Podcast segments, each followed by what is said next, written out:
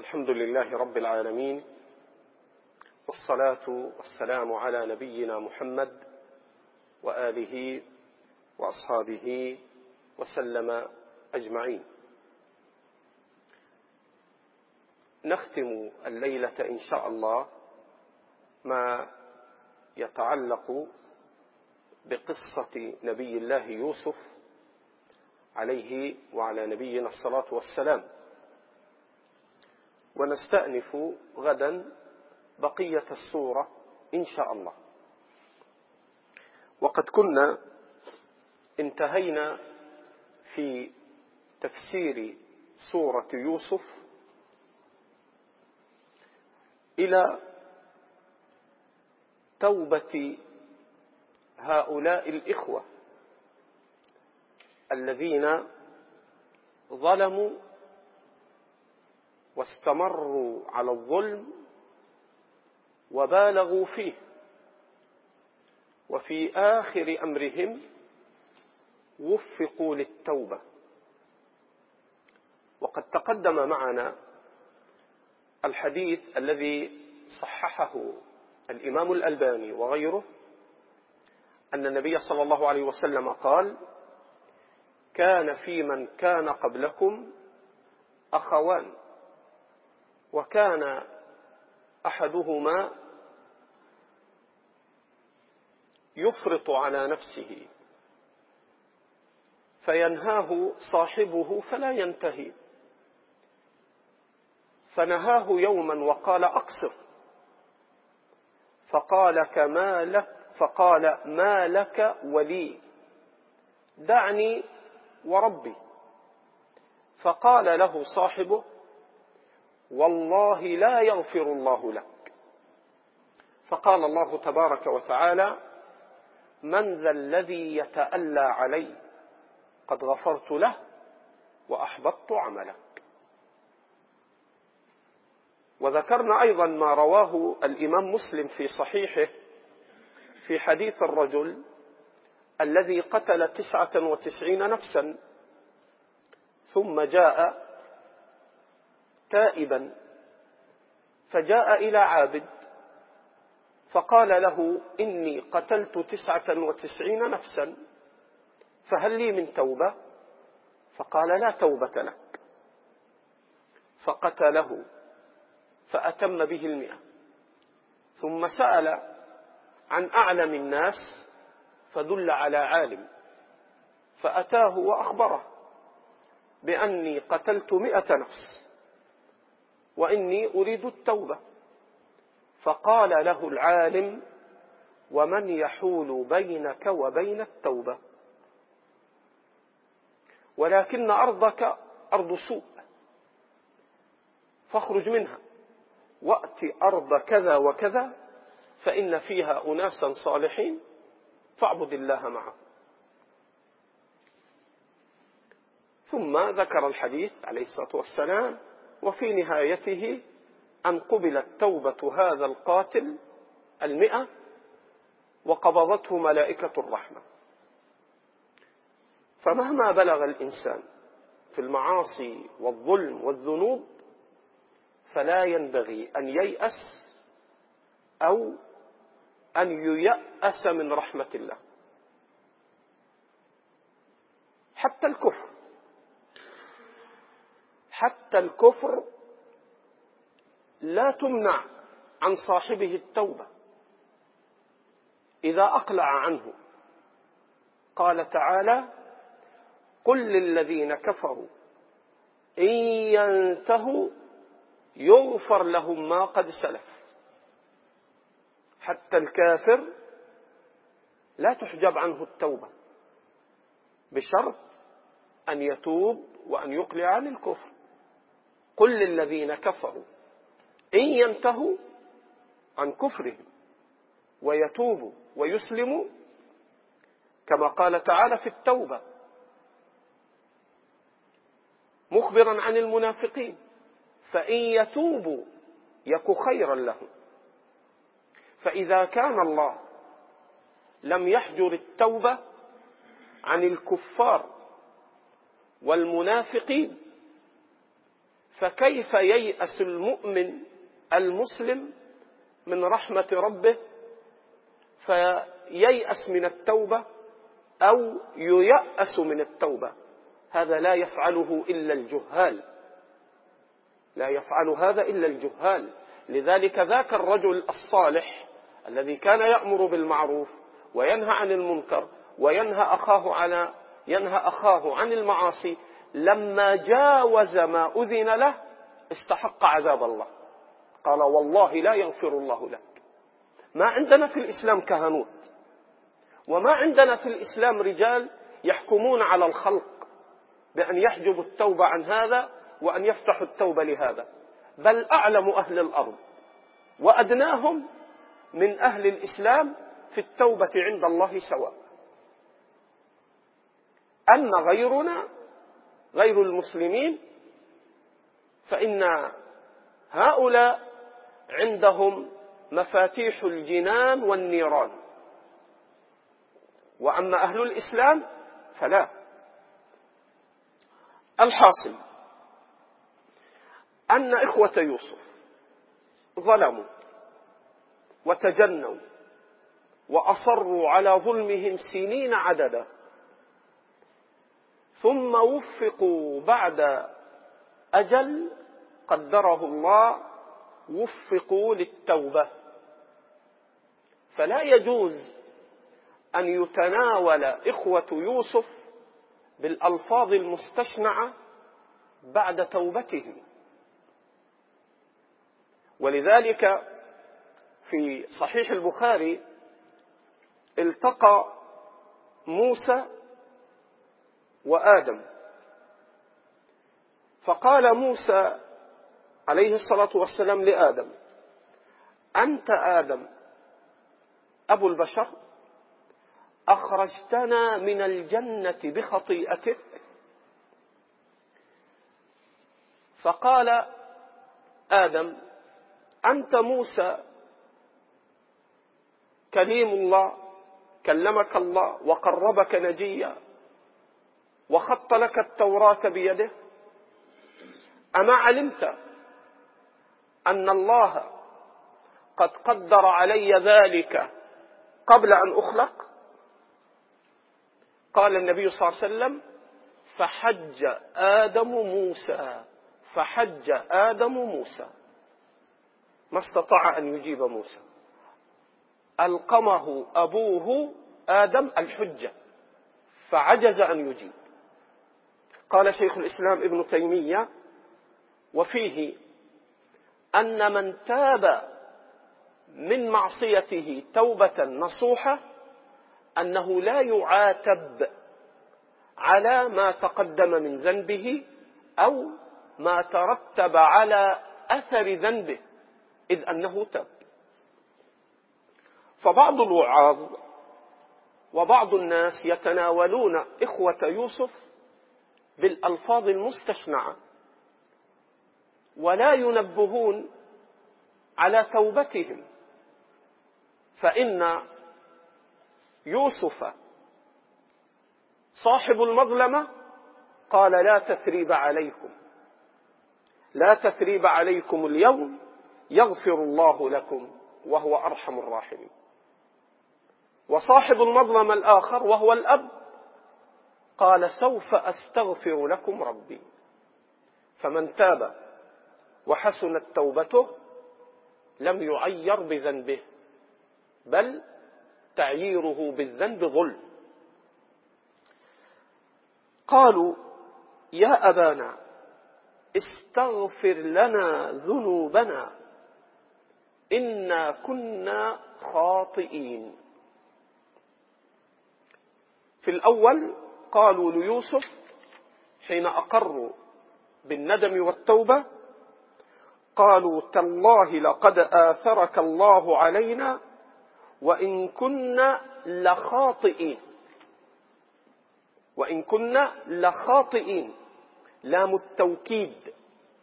يؤكدون ظلمهم وأنهم مخطئون. هذا ما حصل مع يوسف. ثم مع أبيهم قالوا يا أبانا استغفر لنا ذنوبنا إنا كنا خاطئين. أعادوا ذكر الخطأ. خطأ هنا خطأ الظلم.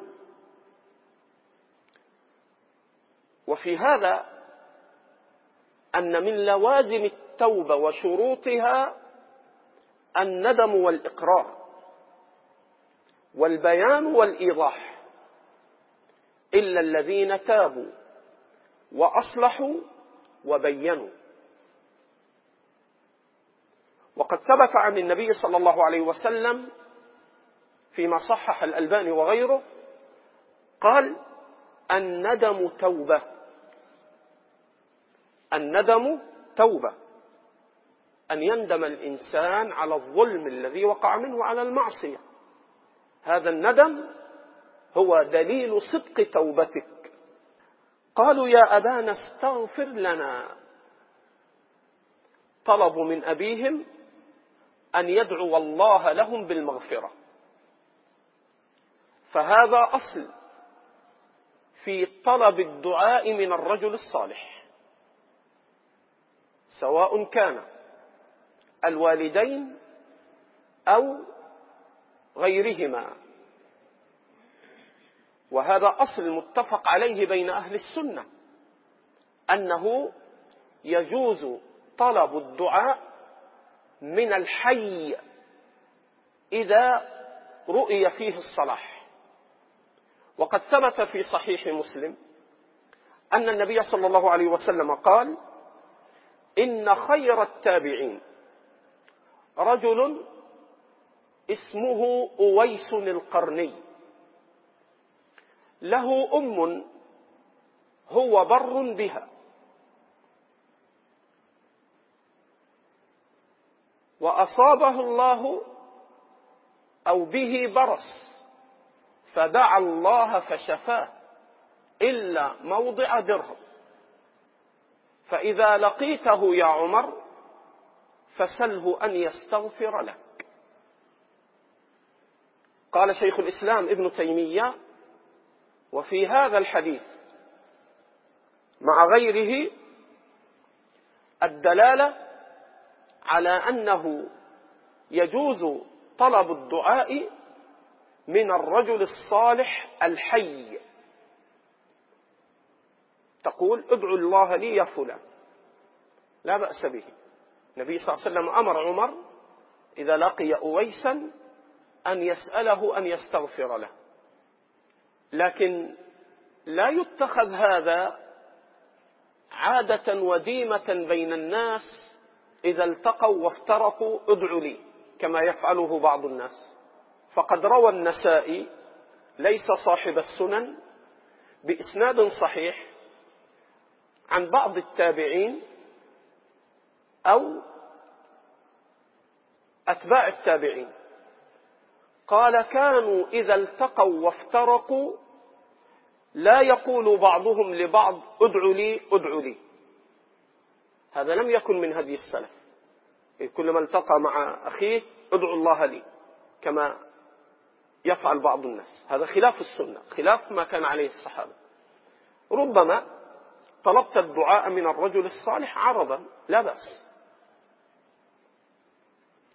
وأما طلب الخير من الميت فهو شرك وكفر بالله. فالاستغاثة بالأموات كفر بالله. يأتي قبور الصالحين أو قبور الأنبياء. مدني يا فلان بكذا اشف مريضي عافني في بدني سد ديني. فهذا كفر ورد عن الإسلام. والذين يدعون من دون الله لا يخلقون شيئا وهم يخلقون. أموات غير أحياء وما يشعرون أيان يبعثون. إلهكم إله واحد. فجعل الله الدعاء لغيره جعله دليلا على أن الداعي قد أله غير الله وعبد غير الله. والذين يدعون من دون الله لا يخلقون شيئا وهم يخلقون. أموات غير أحياء وما يشعرون أيان يبعثون. إلهكم إله واحد. فإذا كان الإله إلها واحدا فلا يجوز أن آتي القبور وأسأل أصحابها. صالحين كانوا أو طالحين. هذا ردة لمن علم ذلك وبين له ذلك وأصر فهو مرتد عن الإسلام. وأما إذا كان جاهلا عذر حتى يعلم كما يقول الإمام محمد بن عبد الوهاب في الرسائل النجدية قال ونحن لا نكفر من قام على قبة البدو في مصر وإنما نكفر من فعل ذلك في ديارنا فإن أولئك لم يجدوا من يبين لهم آثار العلم والنبوة.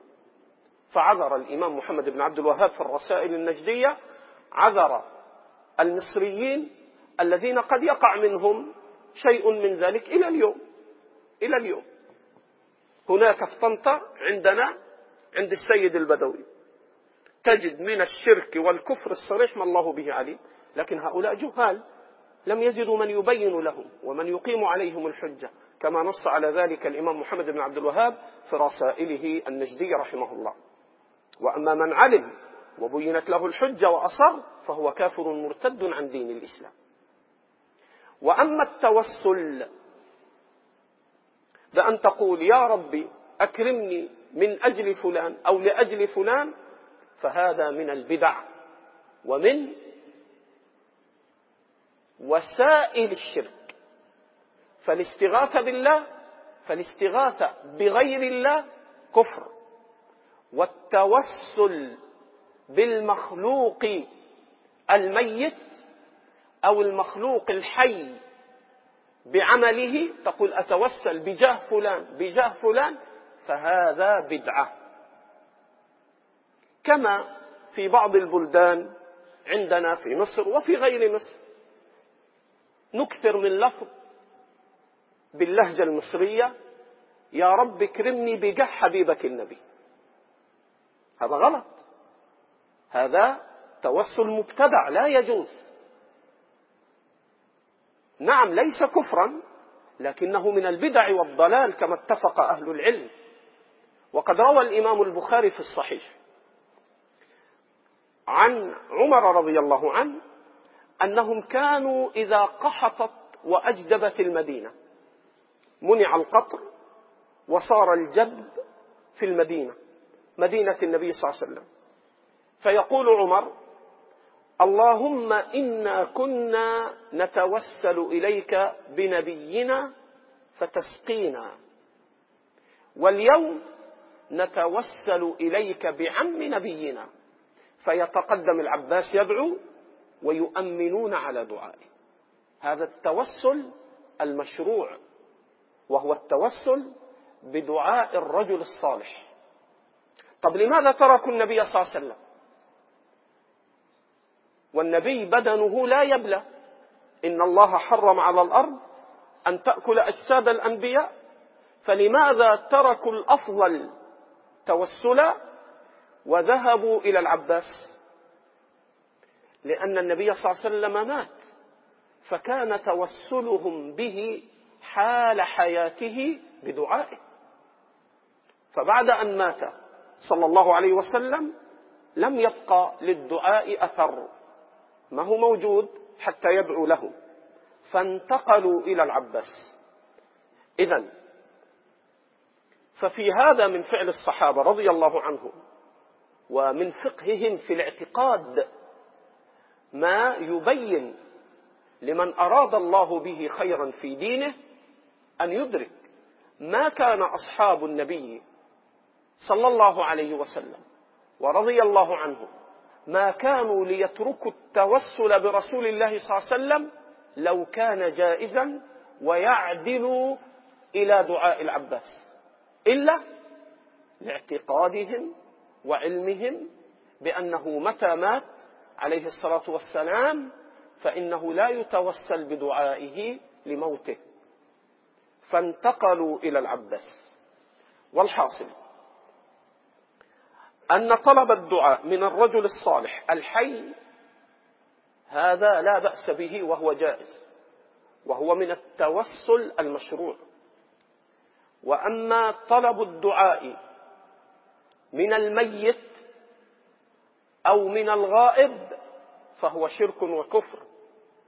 واعتياد ذلك أعني كلما لقيت أخاك ادعو الله لي فهو من المحدثات. والتوسل بجاه فلان وفلان فهو من البدع. وتفاصيل ذلك في كتب الاعتقاد. ومن أفضل من تكلم في ذلك شيخ الإسلام ابن تيمية رحمه الله في كتابه العظيم المفيد التوسل والوسيلة. قالوا يا أبانا استغفر لنا ذنوبنا إنا كنا خاطئين. قال سوف أستغفر لكم ربي. أما يوسف فابتدأهم بالدعاء قبل أن يطلبوا. قالوا تالله لقد آثرك الله علينا وإن كنا لخاطئين فقبل أن يطلبوا منه استغفر لهم. قال لا تثريب عليكم اليوم يغفر الله لكم وهو أرحم الراحمين. وأما أبوهم فلم يجبهم ساعتها وإنما وعدهم وعد صدق. قال سوف أستغفر لكم ربي. ولم يستغفر لهم ساعة طلبهم وإنما وعدهم وعد صدق أنه سوف يستغفر. وهنا لأهل العلم كلام في تأخير الاستغفار في وعده سوف أستغفر. قال جماعات من أهل العلم وعدهم أن يستغفر لهم في وقت ترجى فيه الإجابة. قيل يوم كذا قيل يوم كذا قيل يوم كذا ولا دليل يدل على هذا التوقيت. فالله أعلم أنه أخر الاستغفار لهم لحكمة ومصلحة رآها. ما هي؟ الله أعلم. وإن دخل في هذا المضمار بعض أهل العلم من المفسرين مجتهدين.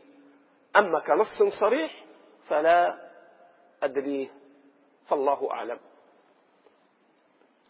قال سوف أستغفر لكم ربي. تكلمنا عن لفظ الجلالة الله وعن دلالته وعن لفظ ربي. فلفظ الجلالة يدل على الألوهية صرف العبادة لله. ولفظ الرب يدل على الربوبية ما يعطي الله لعباده من الخير. لذلك الله جل وعلا يقول قل أعوذ برب الناس ملك الناس إله الناس. إله الناس المستحق للعبادة. قل أعوذ برب الناس رب الناس الذي يقيم مصالح خلقه من رزق وتدبير. فهذا فعل الربوبية وذاك الألوهية. سوف أستغفر لكم ربي لأن الله سيمن عليهم بالمغفرة. فهذا مما يتعلق بعطاء الربوبية بعطاء الرب. أن يغفر أن يرزق أن يرحم. قال سوف أستغفر لكم ربي. إنه هو الغفور الرحيم. الثناء على الله في الدعاء بأسمائه وصفاته. الغفور يغفر الذنب ولا يعاقب إن شاء. الرحيم الذي رحم خلقه فترك تعذيبهم على ما يستحقون لمن شاء منهم. هنا اجتمع الأهل وحققوا ما طلبه يوسف حين قال اذهبوا بقميصي هذا فألقوه على وجه أبي يأتي بصيرا وأتوني بأهلكم أجمعين. أن يأتوه من فلسطين ويستقروا معه في ملكه في مصر. فانتقل الأهل كلهم. إخوة يوسف الأحد عشر مع الأبوين يعقوب وزوجه. فانتقلوا من بادية فلسطين واستقروا في حاضرة مصر. وعاشوا هناك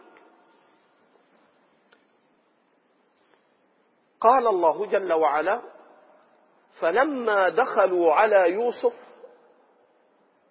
مقبلين من أرض فلسطين من بادية فلسطين كما سيبين الآن يوسف فوصلوا ديار مصر ودخلوا على يوسف في قصره.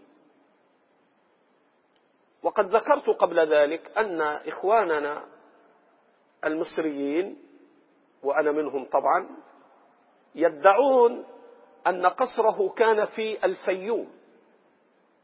وإلى اليوم هناك آثار عندنا في الفيوم تنسب إلى يوسف. هكذا يقول إخواننا هناك والله أعلم. ما عندنا في هذا الشيء نستند إليه إلا ما يدعي إخواننا أهل تلك الناحية من آثار آه، سلطان يوسف وقصره وكذا وكذا هناك في الفيوم. فالله أعلم. قال فلما دخلوا على يوسف آوى إليه أبويه. قرب أبويه إليه. وهذا تصريح من كتاب الله أن أبوي يوسف كانا موجودين. كثير من المفسرين جرى على أخبار بني إسرائيل أن أم يوسف كانت ميتة وأن يوسف نشأ بغير أم وهذا كلام باطل خلاف ظاهر الكتاب. فظاهر الكتاب في ابتداء القصة وانتهائها أن أمه كانت موجودة. إني رأيت أحد عشر كوكبا والشمس والقمر. رأيتهم لي ساجدين. الآن يوسف سيقول هذا تأويل رؤياي. فالشمس أبوه والقمر أمه والأحد عشر كوكبا إخوته. وسيأتي لنا باب الآن في علم الرؤى. يقول هؤلاء أن أمه ماتت لكن هذه اللي كانت موجودة خالته. كما قالوا في أبي إبراهيم. وإذ قال إبراهيم لأبيه آزر قالوا لا آزر عمه أما أبوه قد مات. وهذا من العجب العجاب أن يترك ظاهر الكتاب لأخبار بني إسرائيل التي تخالفه. وما كان ينبغي لعالم أن يقول ذلك. ويترك ظاهر كتاب ربنا لأخبار بني إسرائيل التي هم فيها مختلفون. والتحقيق أن آزر هو والد إبراهيم وأن والدة يوسف لم تزل حية حتى أدركت ملك ولدها ورفع أبويه على العرش. قال الله جل وعلا فلما دخلوا على يوسف آوى إليه أبويه وأكد فقال بعد ورفع أبويه على العرش فالأبوان الأب والأم. آوى إليه أبويه. وقال ادخلوا مصر إن شاء الله آمنين. ادخلوا مصر إن شاء الله آمنين. وقد تكرر ذكر مصر في كتاب الله. هذا موضع من تلك المواضع. وقال ادخلوا مصر إن شاء الله آمنين. وتكرر في آية أخرى في قول فرعون أليس لي ملك مصر؟ فمصر في الموضعين هي ديارنا. مصر. القاهرة. هي مصر. وأما دخول التنوين في البقرة في قوله تعالى اهبطوا مصرا.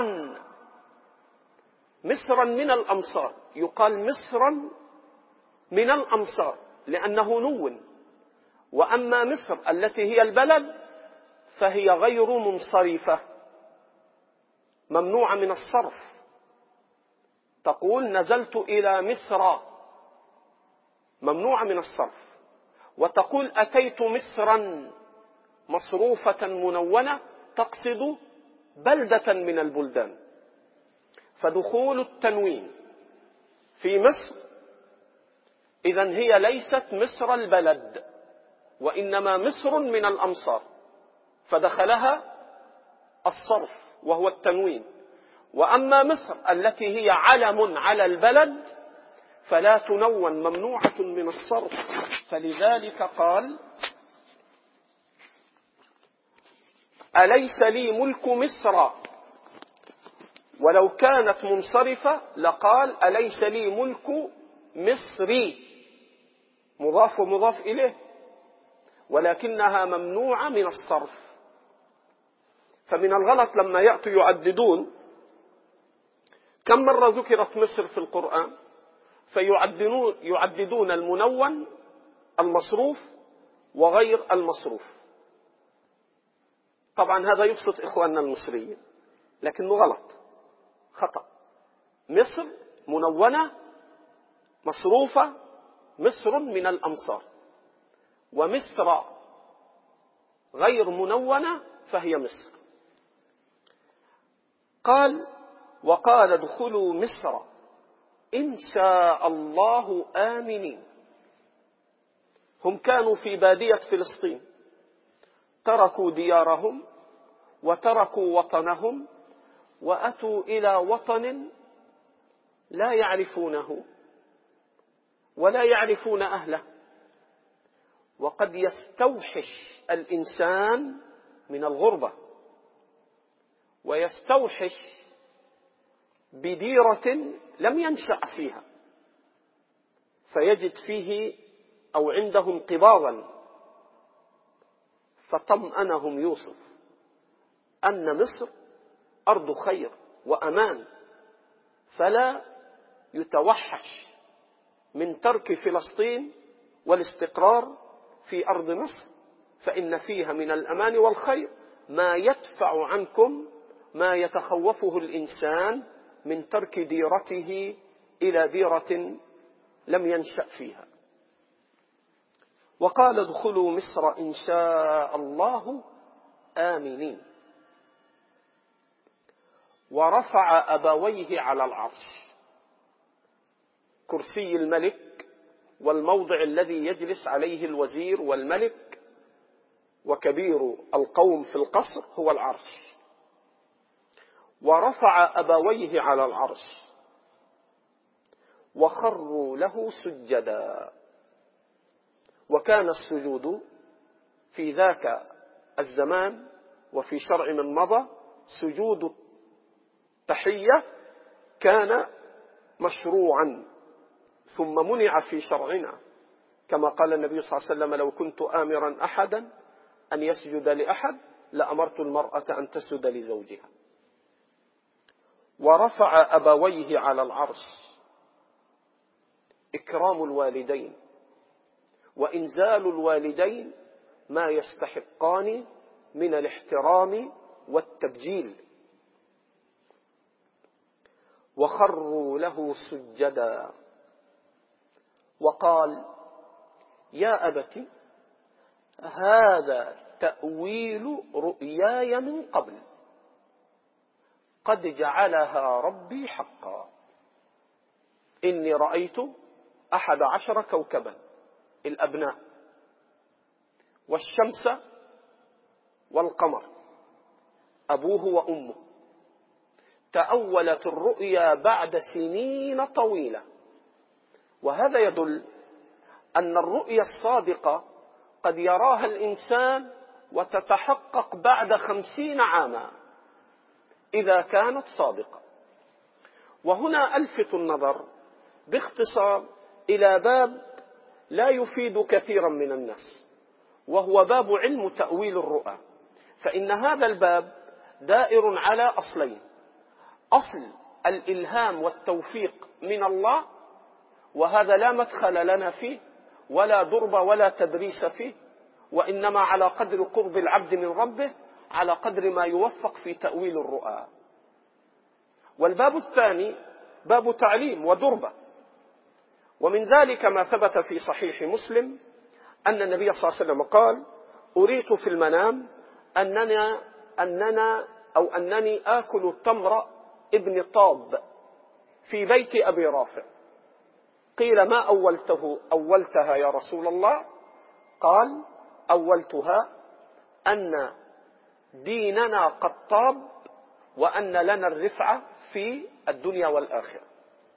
إذا هذا تأويل الرؤى متعلق بالمسميات اللي ترى في المنام. التمر تمر ابن طاب. مثل ما نحن الآن نسمي بعض أنواع التمر بأسماء مختلفة. تمر كذا تمر كذا تمر كذا. ففي زمن النبي هناك تمر اسمه ابن طاب. فالنبي أول التمر الذي اسمه ابن طاب بأن ديننا قد طاب. مراعاة الأسماء ومراعاة المعاني. فالتمر به قوام الأبدان. ففسره بالدين إذ به قوام دين العبد. والبيت الذي كان يأكل فيه التمر بيت أبي رافع. قال وأن الرفعة لنا في الدنيا والآخرة آخذا ذلك من مسمى صاحب البيت بيت أبي رافع. فاعتبار الأسماء في التأويل واعتبار المعاني. اعتبار المعاني الشمس والقمر والنجوم الأبوان الشمس والقمر والأبناء بالنجوم. فالنجوم لا تنفك عن مدار الشمس والقمر كذلك الأبناء. لا ينفك الابن ما دام صغيرا عن أبويه احتياجا وتربية. الشمس والقمر انتفاع الناس وانتفاع الأبناء بالأبوين. الشمس هو الأب فيه الشدة والقوة. القمر فيه الحسن والجمال والرقة فهي المرأة اعتبار الأسماء. كذلك في البقر إني أرى سبع بقرات سمان يأكلهن سبع عجاف وسبع سنبلات خضر وأخرى يابسات. فالبقر هو الرزق والنعمة. فإذا أكل البقر العجف أكل السمين دل على الشدة والكرب وأن الخير سينقطع. وسبع سنبلات خضر علامة على المعنى في خروج الزرع وسعة الرزق. وأخرى يابسات على أنهم سيبتلون بيبس وذهاب الزرع. إذا فتأويل الرؤى مبني على بابين باب الإلهام والتوفيق وهذا لا مدخل في تعليمه وإنما حسب قرب العبد من الله. وباب التدريب والتعليم وهو مراعاة الأسماء والمعاني فتؤول بما يقرب منها. يعني مثلا رجل مكروب فنام ليلة فرأى في المنام أن رجلا يدق عليه الباب. هذا الرجل اللي يدق عليه الباب اسمه فرج. حينئذ تأويل فيما يبدو أن الله يأتيك بفرج عادل. وقد تصدى لباب التأويل أناس بغير ورع وديانة فأساءوا وأضروا. بل هذا من العلم الذي ينبغي أن يتورع الإنسان في الدخول فيه إلا ببينة وبصيرة بقدر الإمكان. ولذلك لما أول يوسف للولدين الرؤيا قال قضي الأمر الذي فيه تستفتيان فسماها فتوى. ورفع أبويه على العرش وخروا له سجدا وقال يا أبت هذا تأويل رؤياي من قبل قد جعلها ربي حقا. فرؤيا الأنبياء حق. رؤيا الأنبياء وحي. لا تقبل أن تكون من الشيطان. ولذلك لما قال إبراهيم إني أرى في المنام أني أذبحك. قال يا أبت افعل ما تؤمر. ففهم إسماعيل أن الرؤيا أمر من الله. لأن رؤيا الأنبياء وحي وحق. وأما من عداهم فتحتمل الحق والباطل والصواب والخطأ. وقد أحسن بي إذ أخرجني من السجن يعدد نعمة الله يذكر نعم الله. ولذلك لما جاء الرجل مشعان رص الهيئة رص الثياب مشعان الرأس. فقال من أي مال الله آتاك الله؟ حالك ميسور غني ولا فقير؟ فقال من كل مال الله آتاني عندي من الخير من كل شيء. قال فليرى أثر نعمة الله علي فإن الله يحب أن يرى أثر نعمته على عبده. فالإنسان يظهر نعمة الله بالعمل ويشكر الله بالقول ويذكر نعم الله يعددها وأما بنعمة ربك فحدث. وقد أحسن بي إذ أخرجني من السجن وجاء بكم من البدو من بادية فلسطين فأتوا من البدو إلى الحضر فجعلها يوسف نعمة من الله فإن الحضر فيها من الخير والرزق والسعة ما ليس لأهل البوادي. ولذلك النبي صلى الله عليه وسلم يقول من بدا جفا ومن اتبع الصيد غفل ومن أتى أبواب السلطان افتتن. من بدا جفا اللي يعيش في البادية ويركن إليها عمره طبعه ييبس ويصير جافا. يجف في تعامله مع الناس. فعد يوسف من نعم الله أن الله أتاه بأهله من البدو إلى حاضرة مصر. وقد أحسن بي إذا أخرجني من السجن وجاء بكم من البدو من بعد أن نزغ الشيطان بيني وبين إخوتي. إن ربي لطيف لما يشاء إنه هو العليم الحكيم. رب قد آتيتني من الملك. صار عزيز مصر. صار على خزائن مصر كلها. رب قد آتيتني من الملك. نعمة التمكين في الأرض. نعمة الرزق والخير والسعة. والنبي صلى الله عليه وسلم يقول نعم المال الصالح للرجل الصالح. ويقول أربع من السعادة المرأة الصالحة والدار الواسع الواسعة إلى آخره.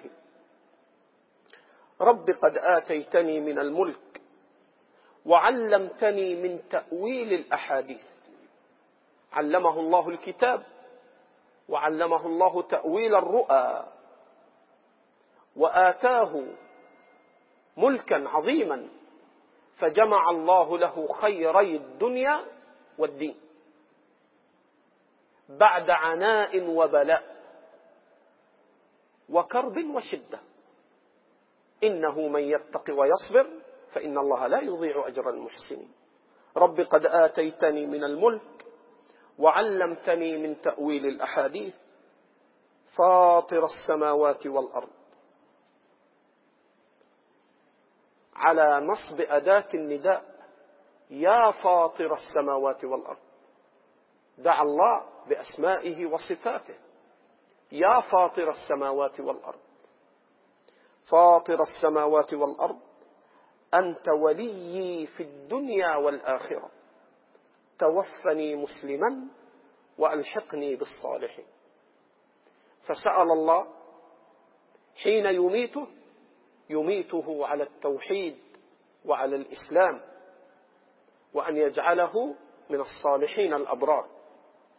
ولم يتمنى الموت وإنما طلب حين يموت أن يموت مسلما موحدا. أما أن يتمنى الإنسان الموت فلا يجوز. فالنبي صلى الله عليه وسلم يقول لا يتمنين أحدكم الموت لضر نزل به إما محسنا فلعله يزداد وإما مسيئا فلعله يستعد. وإنما سأل موسى سأل يوسف ربه حين يموت أن يموت على الإسلام والتوحيد. وهذا أعظم ما يختم الله لك به حياتك. توفني مسلما وألحقني بالصالحين ثم توفاه الله ودفن بأرض مصر. ودفن سنين طويلة لا يعلمها إلا الله.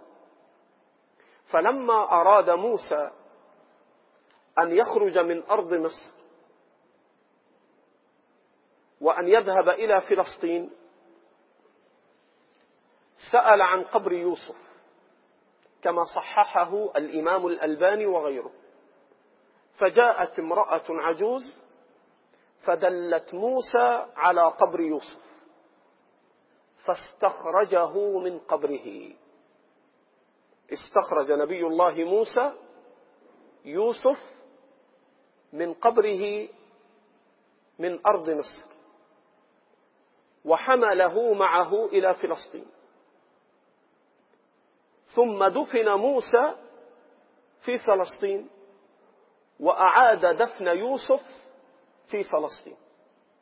وهذا السر أن يوجد هناك في فلسطين الآن يوجد قبر ينسب ليوسف لأن يوسف عاش في مصر منذ أن بيع إلى أن استوزر إلى أن تمكن ومات ودفن فيه. فلما نزل موسى استخرجه